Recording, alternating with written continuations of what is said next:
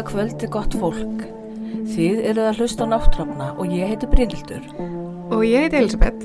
Og hér eru við samankomlar enn eina ferðina. En eina ferðina. Já, ekki svo sem leiðinlegt. Gamlu skingurnar. Já, vá. Ég væri svo til að taka bara svona dag sem ég væri búin að skinga mig upp. Fara í svona spreytan, ertu með? Ég með sko. Já, það ekki? Já. Ég er all in. Já, gerum þetta eitthvað. Ég, ég hef samt aldrei verið að skinga.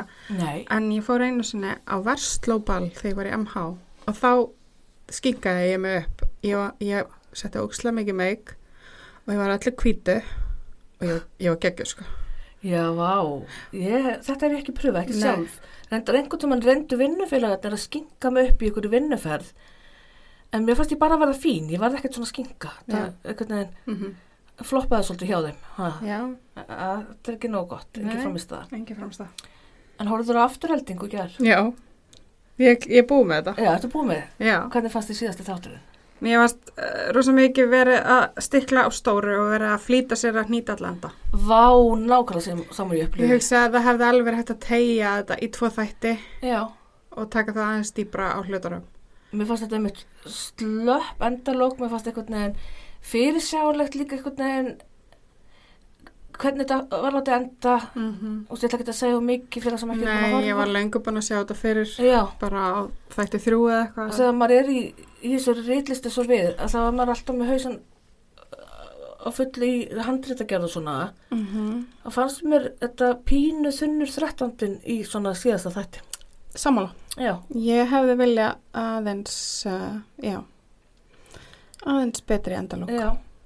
Þannig við köllum eftir nýjum þætti, Já. undirskriftalista. Nei, Þetta er ekki frekjukasti það. Þetta nei, þetta er ekki frigjökasti. En Já. vá, getur við please haft frigjökasti? Ég væri ótrúlega til að vera með podcast sem heitir frekjukasti, þar sem að maður er að missa sig yfir alls konar hlut. Já, Þetta er hugmynd. þetta er hugmynd. Já. Köllum, köllum eftir hérna stuðningi við frekjukastið. Já, ég get líka örgulega að tala um börnum mín, sko. Já. Það getur fengið kast hérna í byrni. Ó, svo er þetta veður hérna. Ég er að æfa mig að láta ekki fara töðan mér hérna höfuborgarsvæðinu. En þetta, samkvæmt veðurspám, á þetta að vera svona þar til allavega 7. júni með smá sólarglætum inn á milli. En minna, þetta ekki bara oft svona sumrin hérna? Jú, yfirleitt sko læti ég veður aldrei fyrir töðunar. Ég elska regningu og, og, en ég hata rók. Rók er bara að leðlasta sem ég veit og er að leðlasta við Ísland. Já.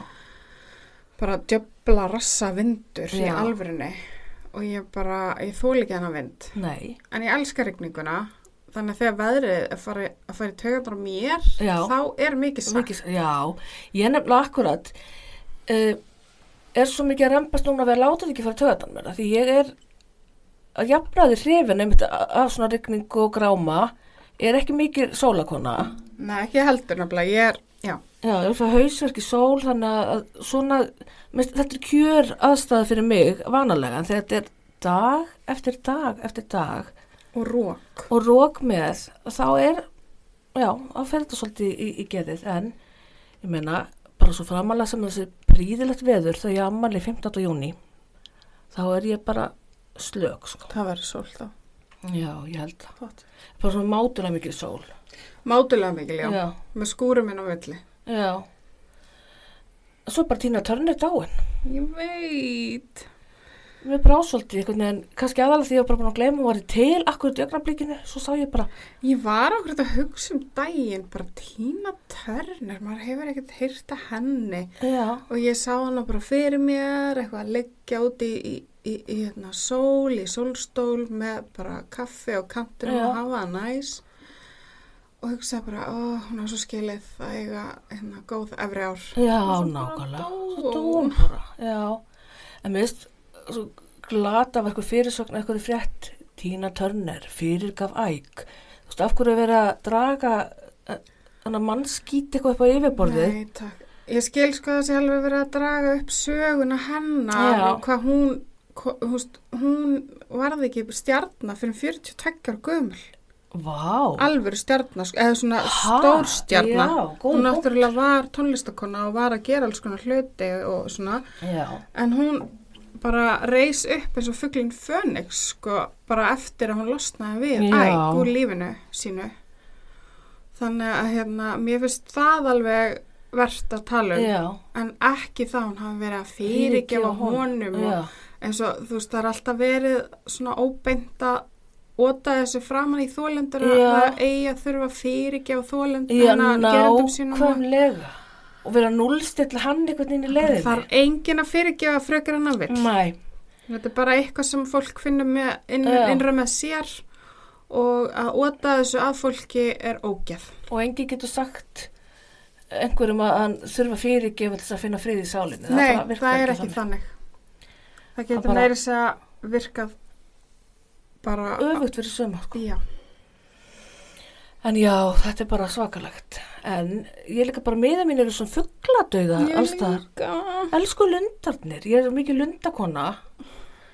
Og þeir voru sko búinir las ég að stofnin að fækka um 70% á síðustu árum. Æ, svo degjaður og degja og í degja alvörni, það þarf, við þurfum að fara að gera eitthvað ráttækt í lofslagsmálum. Þetta er ekki, er er það er eðlilegt. það er eitthvað svo maður bara hætti líka að veiða lundan og borðan við getum alveg komist af án og þess fokking kvalina, já, nákvæmlega. Bara, uh, já, getum við verið góð við dýr? Já, við getum það. Já, en ég á svolítið góða lundasögu, bara þetta er allt í henni hug.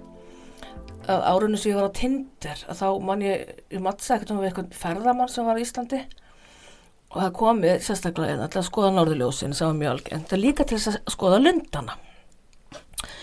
Sendi mér svo mynd af máfi og spurði hvort þetta væri lundir, að þetta hættumáfur. Já, og hérna, hann sagði að ég búið að segja mér að það var allt moranda lundum hérna í Reykjavík og Nei. síðasta fuggl út um allt. Bara í, í túristabúða, Já, kallið minn, minn, bánsar. Þetta er nú ekki alveg lundi en mér langaði eitthvað að sprelli í honum, ég gerði það nú ekki. Nei, það var, það var gott. Já, en einn dag ætla ég að fá mér lund- lundatatú. Já. Það er bara svolítið þannig. Mér langar í kríu tattu Já, mér langar í kríutatú og svanatatú, lunda. Mm. Ég er með á. og hrafna. Já, mér langar í hrafna líka og uglu. Já. Eða Þú fæ mér kannski bara bara, fugglasafn. Já. Náttúru gripasafn Já, Á- já, á- hvernig verður á það? bakinu þær. Já, svo niður læri var ég með steinaríkið, Já. grágríti, Plöntur. Stuðlaberg Já, ég meina það er option á ymsu, það er eitthvað pláss eftir á líkamannu mínum, Mm. alveg nóaði reyndar en eigum við að vinda okkur í mál málana Já, gerum það. ég er nefnilega ætla að segja ykkur sögu hérna í kvöld af stúlku sem ólst upp meðal apa í regnskóðum Kólembi Oh my god. það ekki þú eitthvað sem hefur alist upp meðal apa Uh, já, maðurinn minn. maður, já það ekki já. Jók. það ekki línu langsokk, hún ólst upp með apa Já, Níels. Herra Níels. Herra Níel, sko. Já, ég með hérna sögu sem ég er búin að vera að kynna mig svolítið vel og sérst, stúlkan heitir Marína í dag og þetta er nafn sem hún tók sér upp þegar hún var unglingur. Og því hún veit ekkert hvert raunverulega nafnið hennar var. Þannig að ég ætla að kalla hana Mar Marínu út í gegnum söguna. Að því það er bara svo, flókið að við fyrir að kalla hana öllum hinum nöfnunum sem hún hefur gengið undir. Þannig, já, og sögun um hana Marínu má meðal annars finna í bók sem heitir The Girl with No Name, The Incredible Story of a Child Raised by Monkeys, sem að Marína skrifaði á samt dóttur sinni Vanessa James. Mm. Og hún, Marína á mjög fáar minningar fyrstu árum sínum og mann til dæmis ekki hvernig foreldrar hennar líta út, mann ekki hvort hún er eitthvað sýstkynni Mm. man ekki hvernig hún er ammali eða hvar hún bjó. En, en hvenar er hún fætt cirka? Eina sem hún veit, hún fættist í kringum 1950 og einhver staður í norðurhluta Suður Ameríku, líklegast Venezuela eða Kolumbíu. Já. Uh, og það sem hún bjó í Kolumbíu mest að hluta æfi sinna, þá segist hún vera þaðan. En hún á þó einhverjar minningar frá fyrstu árunum og man eftir að til dæmis að þorpið sem hún bjó í var mjög líflegt og þar var, voru börn gerðan að leik úti og man eftir dúkkunni sinni og hún man líka eftir að það var saumavél á heimilinu sem að uh, var gerðan notuð og hún man eftir að var stóll við á saumavélinu sem var fullur af efni. Og man að hann heima hjá henni var hóla í jörðinni. Og hún telur að hún hafi alist upp í ykkur fjalllendi að því að fjöll hreyfa við henni ákveðin undarlegan hátt. En hún veit það samt ekki með vissu og Marína á þá minningu hafa verið að leika sér út í grannmyndisgarði heima hjá sér þegar hún var fjögur ára. Hún man það vegna þess að hún man að það var stutt í fimm ára ámæli hennar sem hún var mjög spennt fyrir.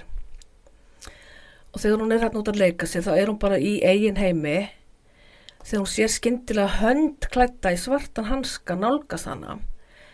En í hendinu var hvítu klútur sem var settu fyrir vitanar hún sagði að það hefði verið sterk lykt á klútnum og li- hún hefði liðið út af.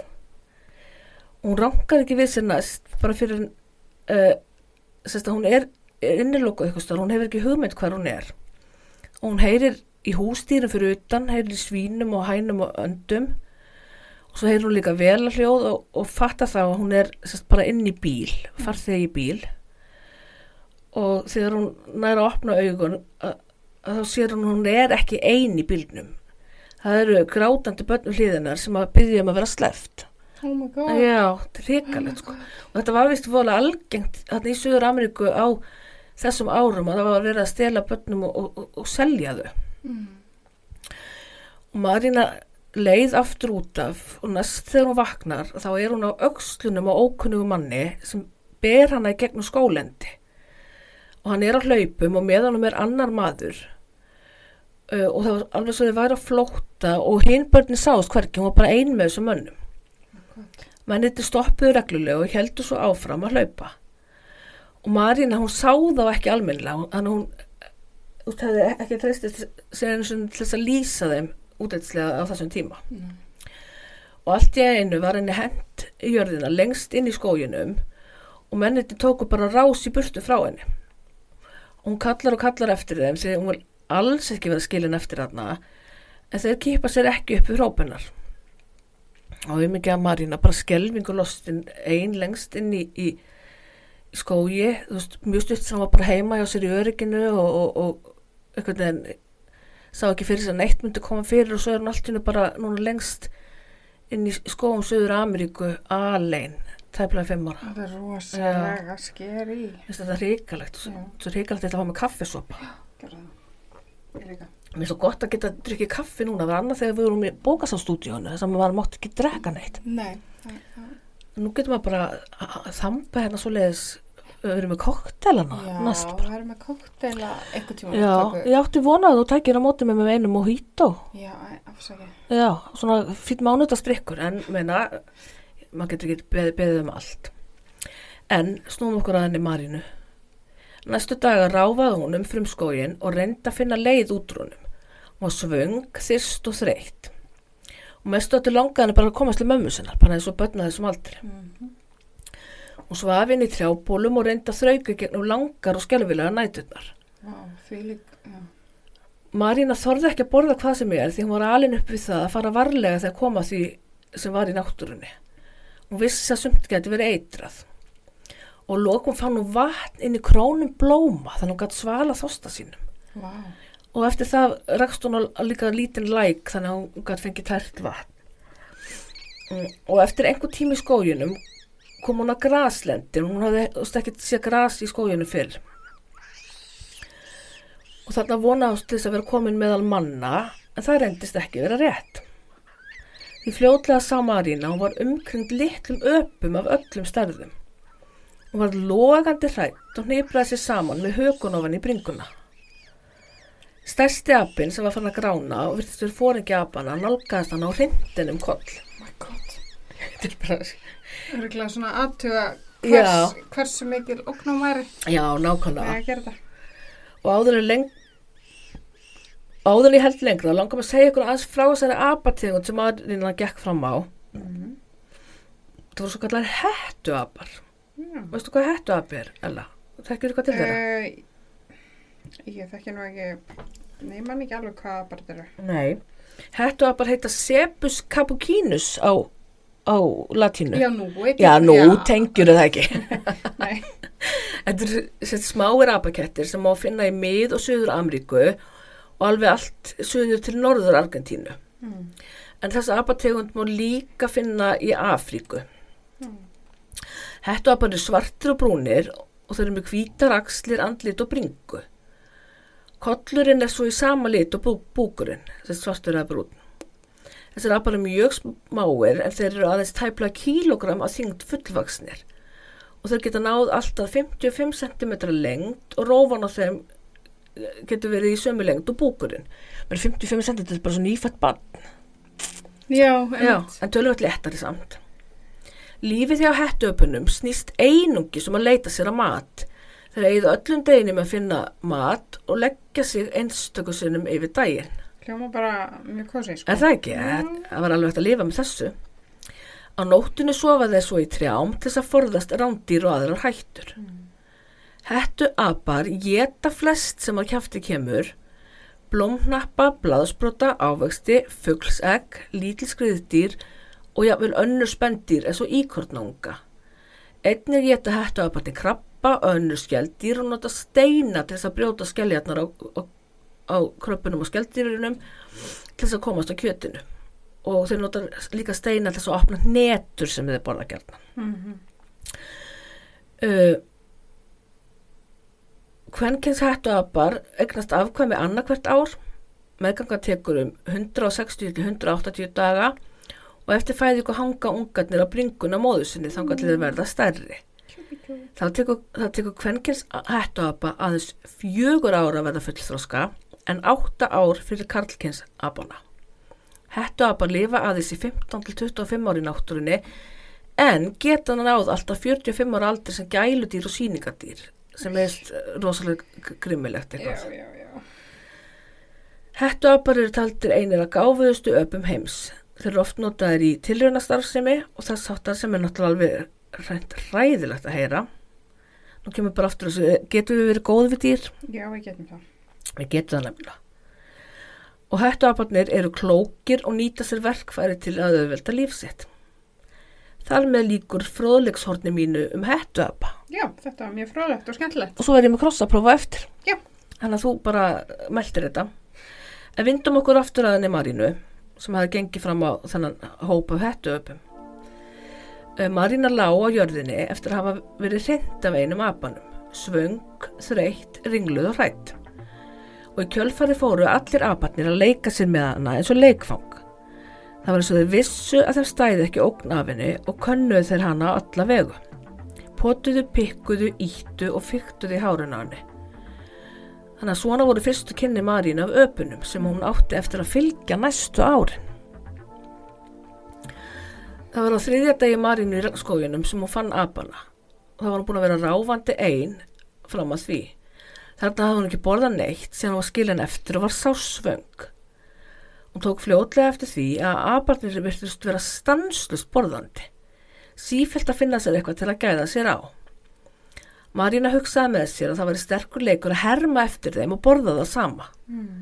Hún sá einn apar finna eitthvað sem var eins og banan eða lögun en, stærð, en á stærð við fingur og var ávistun græn. Eh, Þegar hýði var tekið á sá hún að þetta var banani þannig að fyrsta, Já, er þetta ekki svona plantanas? já, að þetta var fyrsta máltíðin hennar í skóginum. Þegar aparnir fóru að sofa um kvöldi fóru þeir upp í trén en Marína gæti ekki hugsað sér að týna þeim svo hún ákvað að sofa jörðin undir trjánum. Daginn eftir vakna hún með öpunum en hún var samt aldrei partur af hópnum. Það var svona eins og öpunum stæði alveg að sama þá hún væri þarna en það voru ekkert í neinu samskiptum við hana.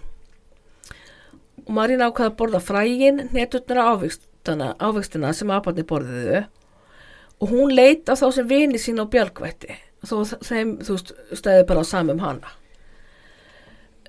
Henni dætt þó ekki til hugar að borða allt sem þeir átt. Það kom til dæmis aldrei til hugar að borða eðlutnar sem að abarnir getur sér á. Og það gerði hún aldrei meðan hún bjóð í skóginum. Henni líkaði ekki við bræðið af blómum, grasi og skortýrum og hjælt sem mest við fyrrnemt fræ, netur og ávexti. Marína sá að ber sem voru skæra lit voru látið vera því þau voru eflust eitruð. Hettuabarnir voru afarsólknir í fíkjur og, og, og deldi Marína þeim áhuga með þeim. Fíkjur voru í algjör uppáld hjá hann og bara langt fram að fullari sár. Marína lærði að opna hnetum með því að fylgjast með því hvernig abarnir gerði það. Og veist, mér ekki gleyma því, hún var bara hans fjögur ára þegar þetta var, þannig að hún var ekkert sjálfbjarga á þessu tíma og, og þurfti bara að hafa svolítið fyrir því að bjarga sér þarna í skójunum. Mhm. Og Marína sá hettuapana berjast við dýr sem þeim stóð stuggur af og sá líka hvernig þeir tættu í sér dýr sem þeir veittu sér til matar. Þannig að hún þakkaði fyrir að, að þeim stóð ekki okna á henni, annars hefði þeir bara örugglega borðað hana, sko.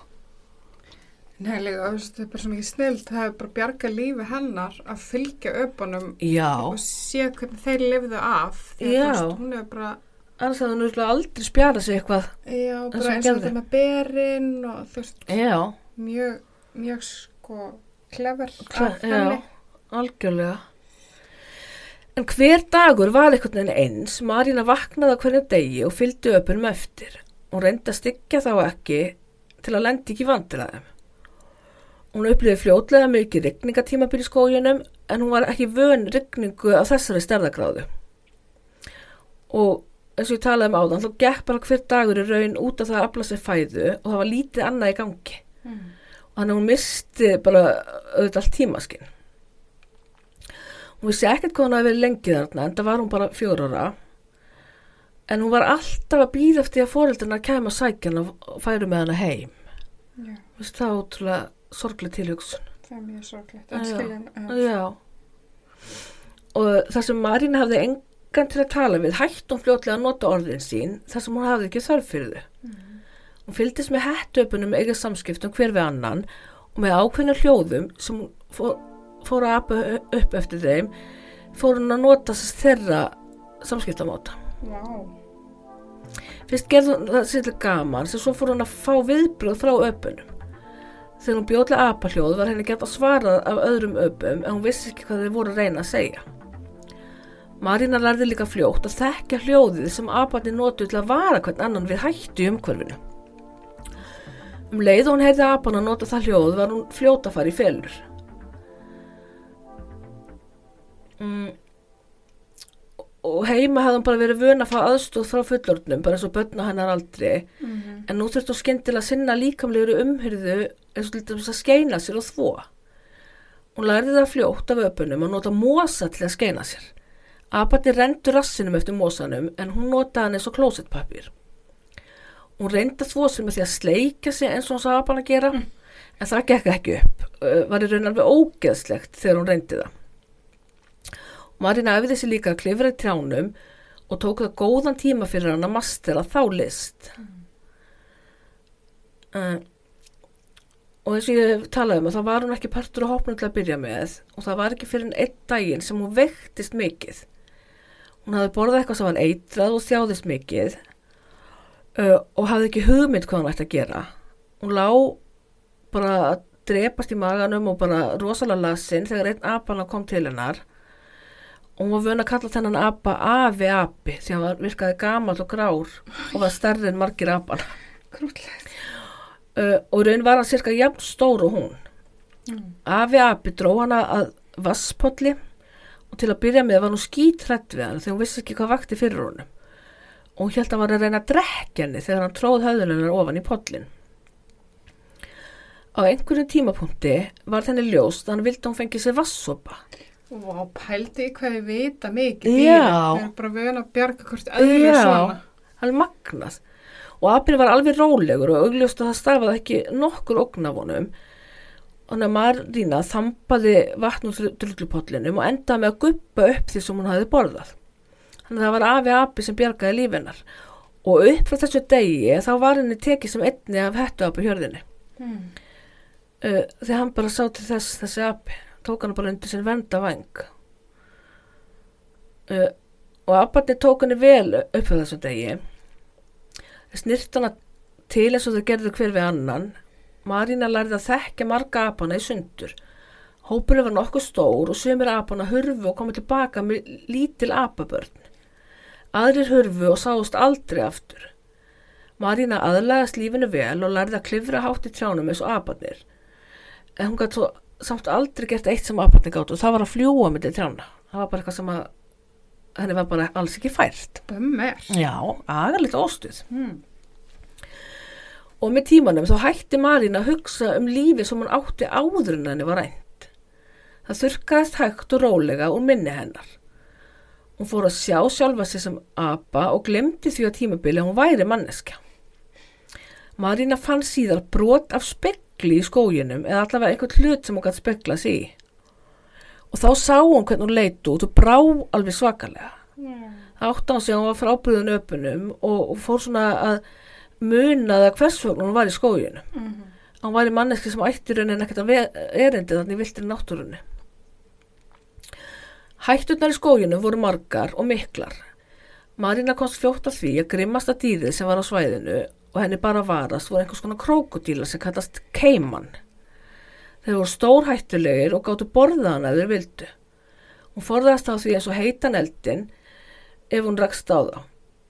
Og þetta voru dýr sem hættu aðbarni gáttu ekki sigraði átökum. En einn daginn rakst Marina á dýr sem var mjög líkt henni í útliti. Hún hafði jú séð sér í speklinum sem hún fann og vissi því hvernig hún leit út. Þetta dýr gekk um á fjórum fótum, var með dögt, sítt, slétt hár og starðarinnar maga. Hún fylgdist með þessu dýri og fjarska alveg uppnuminn. Þetta dýr fór að gefa frá sig allskeið stunur og öskur og áður en Marina vissi að var það búið að fæða lítinn unga sem var með dökkan koll og krumpaður í alla staði. Hún hafði aldrei séð apan að fæða ungana sína því þeir hurfi bara eitthvað og komið tilbaka með, með ungviðið en þarna sá hún nákvæmlega hvað gerðist. Hún fylgdi dýrinu eftir þar til það komað ánni en þar voru fleiri svona dýr af allskins stærðum. Kalldýrin voru stór og mikil, töluvert stærri en kvendýrin og fullt af litlum dýrum þarna sem voru alveg eins og Marína. Hún fylgdist með fjarska og fór að átta sig á að þarna var hann að horfa á mannfólk. Það bjóði einhvers konar húsum og sá Marína báta á ánni. Og þarna fór hún að muna aðeins eftir lífinu sinu áður hún, hún lendi í skóginum. Hún hugsaði með sér að kannski var í frelsi að finna ef hún fylgdi þessari á sem hún hafði aldrei séð áður. En hún kannaði það svo sem aldrei. Og Marina fylgdist lengi með fólkinu og sá mennin að veiða risastóra loðnar köngulær og drepa þær. Það var eldur á svæðinu en eld hafði Marina ekki séð sem hún bjóð hjá fóreldur sínum. Hún fylgdist með fólkinu elda köngulærnar og, og þegar engi sá til ætlaði hún að stela sér bita þar sem hún var mjög svöng. En gugnaði þegar hún sá köngulærnar eldar ofan í skél af kókosnit. En fannst hann allt annað en gyrnilegar. Hún snýri til apana og var sannfærðum að koma aftur og fylgjast betur með. Og þannig er hún búin að vera cirka þrjú ár í skóginum. Þú veist, hún telur það, hún getur samt ekkert verið viss um það það sem tíminn rann saman í eitt. Já. Marina hjælt áfram að koma og fylgjast með frumbyggjahópnum. Með tímunum fór hún að laumast í matinn þeirra í eldstæðinu og át það sem að kæfti kom. Borðaði alls konar kjöt. Eitt þeirra var fullt af litlum beinum og hún fattaði að setna meira hafi líklega verið snákakjöt og meira að segja smakkaði konguló setna. Og mögulega hefur hún borðað apukjöt einhvern tíma þegar hún vissi hún ekkert hvað hún var að borða. Og Marín hafði gaman að það fylgjast með lifnaðarháttum fólksins. Hún tók eftir að fullata fólki var tannlöst að mestu og velti fyrir sig hvort það hefði mist tennurnar eða hvort það var allir siðs að þeim að draga þær úr þegar þau eru fullorðin. Hún hafði mest gaman að því að fylgjast með leikbarnana og Marína tók eftir að konundar hafði alltaf mjög mikið að gera. Það voru sífælt að vinna. Típist. Já, kallarnir unnu líka töluvert en annars konar vinna en konundar. Þeir byggu til dæmis til báta og fóru á veiðar. Og Marína sá hvað frumbyggjarnir áttu auðvelt með að klifra í trjám til þess að sækja ávexti því þeir notuðu nefnilega stiga sem þeir höfðu ofið úr einhverju sem var þarna í skóginu. Ha, þetta er bara heljar en að líf sem að greiði barni hefur þurft að, lifa. En Marínu fannst hún í raun tilherinn þessum hóp betur en hættuöpunum. En hún þorði samt ekki að láta sjá sig. Hún treysti ekki fólki því hann síðasta upplifun af manneskjum var jú þegar hún var skilin eftir í skójunum á tveimur ókunnugum mönnum. En einn daginn hljópi hann að kjarkur og gekk hún inn á svæði frumbyggjana og fór að skoða sér betur um. Og þegar hún var að stelast í matinn sem var á eldstæði sem ég held að hafa verið utarlega á svæðinu. Hún var svöna að fara í þetta eldstæði en þá var hún síðu gripin að þetta var svona aðeins utan við við byggðina, skildist mér. Já. En hún skoðaði þessu um og þegar hún er að skoða sér þar um þá mætir hún konunni, konunum sem voru að koma heim með ílát fulla vatni. Marína hefði tekið einhvers konar ástfostri og fjarska við, við konuna sem hún hefði séð fæða barnið og leit á hana sem nokkuð konar móður ímynd. Lýtt sér dreymum að vera samþygt af þeirri konu og tekin undir hennar vendavæng. Hún að bara rosalega þörf fyrir móður sem að hún hefði bara svift þarna auðvitað, Já. bara. og Marina var því mjög glöð þegar hún sá þessa konu koma berandi vatnin á svæðið og bjóst við að fá góða móttökur frá henni. En það gerðist ekki. Konan var logandi hrætt við veruna sem hún sá standa þetta frammi fyrir sér. Svo hrætt að hún fór að hljóða á samt fleiri konum. Og við það kom karlmaður á staðinn því hann vildi sjá hvað væri að hræða konurna svona mikið. Marina taldi að maðurinn væri sá sér reði mestu í hópnum, einhvers konar höfðingi hópsins.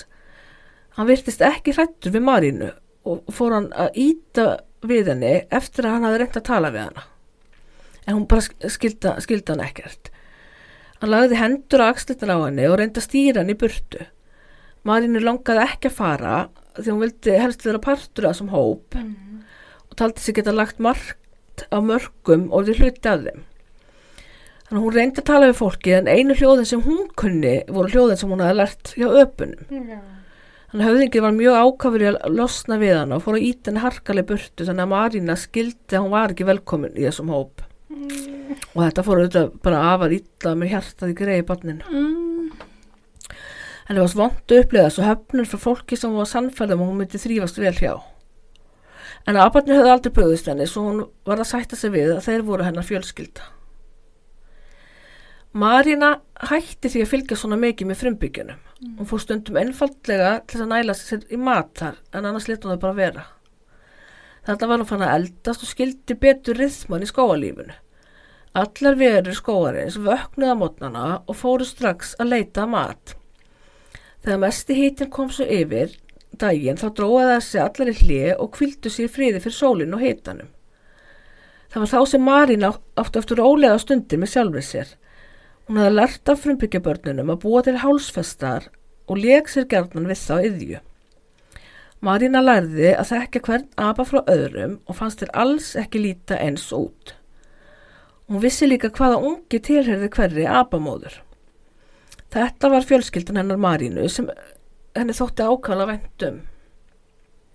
En svo kom skyndilega tímabil þar sem dýrunum fór að fækka á svæðinu og mikið var um að dýrun vöruðu hvert annað við með því að búa til hljóðin sem táknuðu að hætta að vera í vændum. Það var greinleikar breytingar á svæðinu. Og á þessu tíma þá eitti Marína miklum tíma bara inn í trjából þar sem var stöðugum fjölum fyrir þessari hættu. Gróðurinn var líka farin að minka og einn daginn átti hann sig á því hvað var í gangi þegar hún sá menn með sveðjur skera niður gróðurinn og stela allskinn stýrum sem þeir fundu. Þeir tóku fyririldi og fallega fugla. Marína var ofsalega hrætt því hún var hrætt um að hún erði næst. Að hún erði tekin að þessum mönnum. Hún var því mjög duglega að vera bara í félum. Það var eina sem hún gerði á þessum tíma.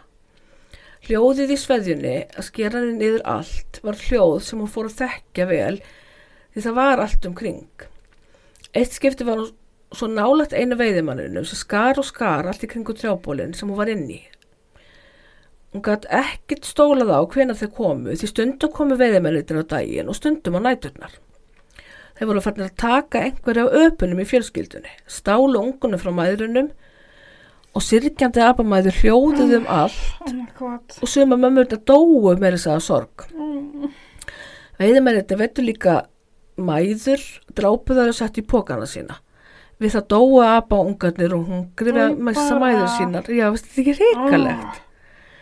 Veiðimennir þetta hurfu svo fljótlega þegar mikið regntímabili var í skóginum og, og það var mikið léttir fyrir Marínu og, og skeppnu skóarins. En þarna voru dagar Marínu í regnskóginum taldir. Allt í hennu fóru veiðimennir að venja komur sínar aftur í skógin og var Marína í stöðugum felum. Það var svo einn daginn sem hún tekur eftir veiðimanni sem reyndist til að kona og þá heldist yfir Marínu þrá eftir mannlegum samskiptum. Hún treysti konum greina betur eins og við sjáum alveg glögg dæmi um. Skilja hana. Já, hún hafði þörf fyrir móður og, og, og það var það sem hún sá í þessari veiðukonu. Hún steig fram og gerði sér sínilega. Hún vildi að konan sæði sig og færi með sig út úr skóginum sem hún búin að vera í stóran hluta æfisinnar. Og Marína veit ekki hvað var gömul þegar veiðmennitin loks fundu hana en hún hefur líklegast verið í kringum tíu ára. Hún var allavega ekki komin á kynþroska skeiðið og þegar henni var rænt var hún með stutt hár en þegar hún fannst var það komið niður að lærum. Þegar Marína og vanesta dóttur hennar skrifið bókina fóru þær í smá rannsóknarvinnu er varðaði hárvöxt. Það mældu það hvað það tók hári langa tíma að vaksa og flettuði líka upp í fræðiransóknum. Mm. Samkvæmt því hefur Marína verið í skójunum í fjögur til sex ár en rannsóknir bentu líka til að hárvöxtur hægist þegar hann er komin í ákvæmna lengt svo hann gæti hafa verið lengur. Já. En miða við að við erum ekki komin á kynþarska skeiðið áallat að Marína hafi verið í regnskójunum í um fimm ár. En svo líka þú veist, getur hægst á kynþróskanum þegar, að þegar það er svo mikið ála á líkamann. Algjörlega. Stöðugt að og borðar kannski ekki alveg, þú veist, nóg mikið af Já. einhverju eins og prótíni eða þú veist. Mjög góð punktur því að hún var líka setna mér alltaf miklu minni og rauninni að hún væri yngri alveg langa tíma sko. Og þegar að veiðimennir fundu hana talaði hún ekki gamla tungumáli sitt hún hafði glemt því alveg. Hún gekk heldur ekki um á tveimur fótum, heldur fjórum fótum eins og abötnir. Og veiðimennir reyndu ítrekkað að fá hana til að ganga upprétta og reyttust þegar hún gerði það ekki. Það tók hana með sér og genguðu langa leiði gegn skógin og þá sá hún hluta skóginu sem hún hafði aldrei séð áður. Uh, sá til dæmis gróður sem var ekki kunnulegur og gekk eftir mjóum stígum þar til þau koma bíl og hún hafði ekki séð bíl bara síðan daginn sem hún var færði í skógin og sá hann að þessi bíl hafði ekkert verið svo ósvipar þeim bíl sem hún hafði komið í. Og í bílnu var api sem var að annari tegund en þeirri sem Marína ólst upp með og þar voru líka fleiri dýr og bílinn ferðaðist langa leið dag og nótt og uppliði Marína sem segja svo fanga alveg svo dýrin sem voru um borð í bílnum. Uh, Marína ferðast með bílnum langa vegalengt, fóru rólegu umhverfi náttúrunar, stöðugt nær einhverju borginni. Marína fylgdist með út um lítinn glugga og sá ljósinn færast nær og nær. Og þegar þau voru komin inn í borgina upplýði Marína skerandi háfaða í fyrsta skipti sem hann fór í regnskóin. Hún var ekki vön þessum hljóðum sem komu frá þúsundu manna og fekk illt í eirun. Þegar bílið stoppaði var Marína tekin út og barðist hún um því hún vissi ekki hvað var að gerast. Hún beraði tennutnar og urraða fólki sem hló og virtist finnast þetta fyndið. Veiðamennir fóru með Marínu inn í hús þar sem hún hitti eldri konu sem var mjög stórvaksinn. Marínu stóð strax mikill stuggur á þessar konu og fann þá að þetta var ekki góð manneskja og ekki ykkur manneskja sem hún geti treyst. Fólki talaði saman en Marína skildi ekki orðaði sem var sagt. Eldri konan sem kom í ljós, hétt Anna Carmen, fór hún náði fuggl og þurkaði jurtir og let veiðumennina fá og í staðin fekk hún Marínu. Og, og þetta skildi Marína að það hatt sér stað vöruskipt, hún hefði séð frumbyggjana sérst, eigaði svona vöruskiptum mm. sína milli. Og Marína var því orðin eign önnu Carmen. Og hún komst fljótt að því að hún komst ekki upp með neitt múður þar. Því þá var hún slegin með trésleif. Oh. Marína var þó sátt við það að fá að borða vera hlý og eil. Uh, en allt annað var hún ekki sátt við þarna. Og Marína komst að því að hún var ekki ein hjá önnu Carmen. Hún rakst á aðra fullorna konu sem var- með barn með sér. Mörgum árum síðar áttaði Marína sig á því að barni glimti klárlega við einhverja fatlanir en henni var það ekki ljóst á þeim tíma sem hún var í þessu húsi. Þannig að þarna er Marína komin úr skóarumhverfinu sem hún er búin að alast upp í síðustu árin og man ekkert frá tímanum fyrir það. Þannig að hún er komin alveg nýjar aðstæðar þarna. Hún er er bara lent í okkur þrælahaldara eða eitthvað þannig. Já, og það nefnilega kemur í ljós í næsta þætti. Ég ætla nefnilega að, að hérna, stoppa í byli. Já. Að þetta er svolítið löng saga og ég ætla að klára bara í næsta þætti söguna Mm. og segja ykkur frá því hvað verður um hana Marínu eftir hún kemur úr skóginu. Vákaði spennt. er það ekki? Jú, það, að hún mun alveg eh, lifa við mjög erfiðar aðstæður Mm. en í allt, allt annars konar umhverfi Já. Þannig að ég bara þakka fyrir mig og þakka fyrir eh, eh, hlustun ykkar kæru, kæru hlustendur sem eru þarna eitthvað starf úti Já, það segjum við bara góða nótt. góða nótt